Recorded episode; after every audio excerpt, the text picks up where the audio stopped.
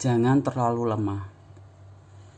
Suatu hari saat duduk santai di tempat yang biasa aku datangi untuk menulis, aku didatangi seseorang, ya seorang perempuan. Aku menatap ke arahnya. Dia masih cantik seperti dulu. Hanya saja ada sedikit yang berbeda dari dirinya. Matanya terlihat agak sendu ada kesedihan yang tak mampu disamarkan oleh senyumannya yang dipaksakan. Setelah basa-basi, akhirnya dia lepas kendali juga. Apa yang harus kau lakukan jika kau seorang perempuan tetapi kau dibohongi kekasihmu berkali-kali? Aku berhenti menatap laptopku lalu berusaha tersenyum. Aku tidak ingin menjadi perempuan, jawabku sekenanya. Kenapa? Karena perempuan bukan untuk dibohongi. Jikapun aku menjadi perempuan, aku tidak akan membiarkan lelaki membohongiku berkali-kali. Lalu, jika kenyataannya kau dibohongi, apa yang harus kau lakukan? Aku akan pergi meninggalkannya. Kami terdiam, dia menatap mataku.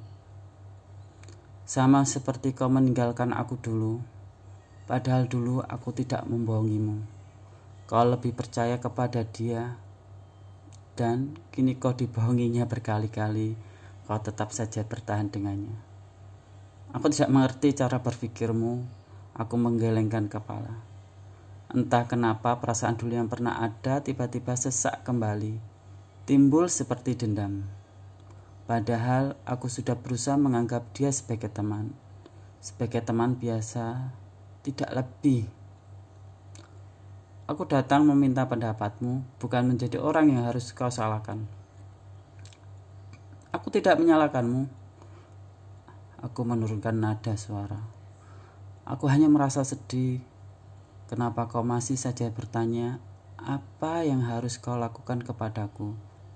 Sedangkan kau tahu dia sudah membohongimu berkali-kali. Harusnya kau tahu apa yang harus kau pilih.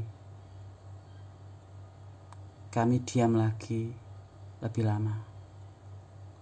Dia memang seperti itu, terlalu lemah menjadi perempuan. Padahal dia tahu dia sudah dibohongi dari awal. Namun, aku tidak bisa menyalahkannya. Aku yang mencintainya juga tidak paham, tidak pernah mampu mengalahkan perasaanku sendiri. Aku masih berbohong kalau aku tidak lagi mencintainya. Ada hal yang tidak dia pahami dari cinta. Dia lupa dia tidak bisa mengubah sikap seseorang, tetapi dia bisa memilih hidup yang lebih baik dengan tidak membiarkan dirinya tersakiti lagi.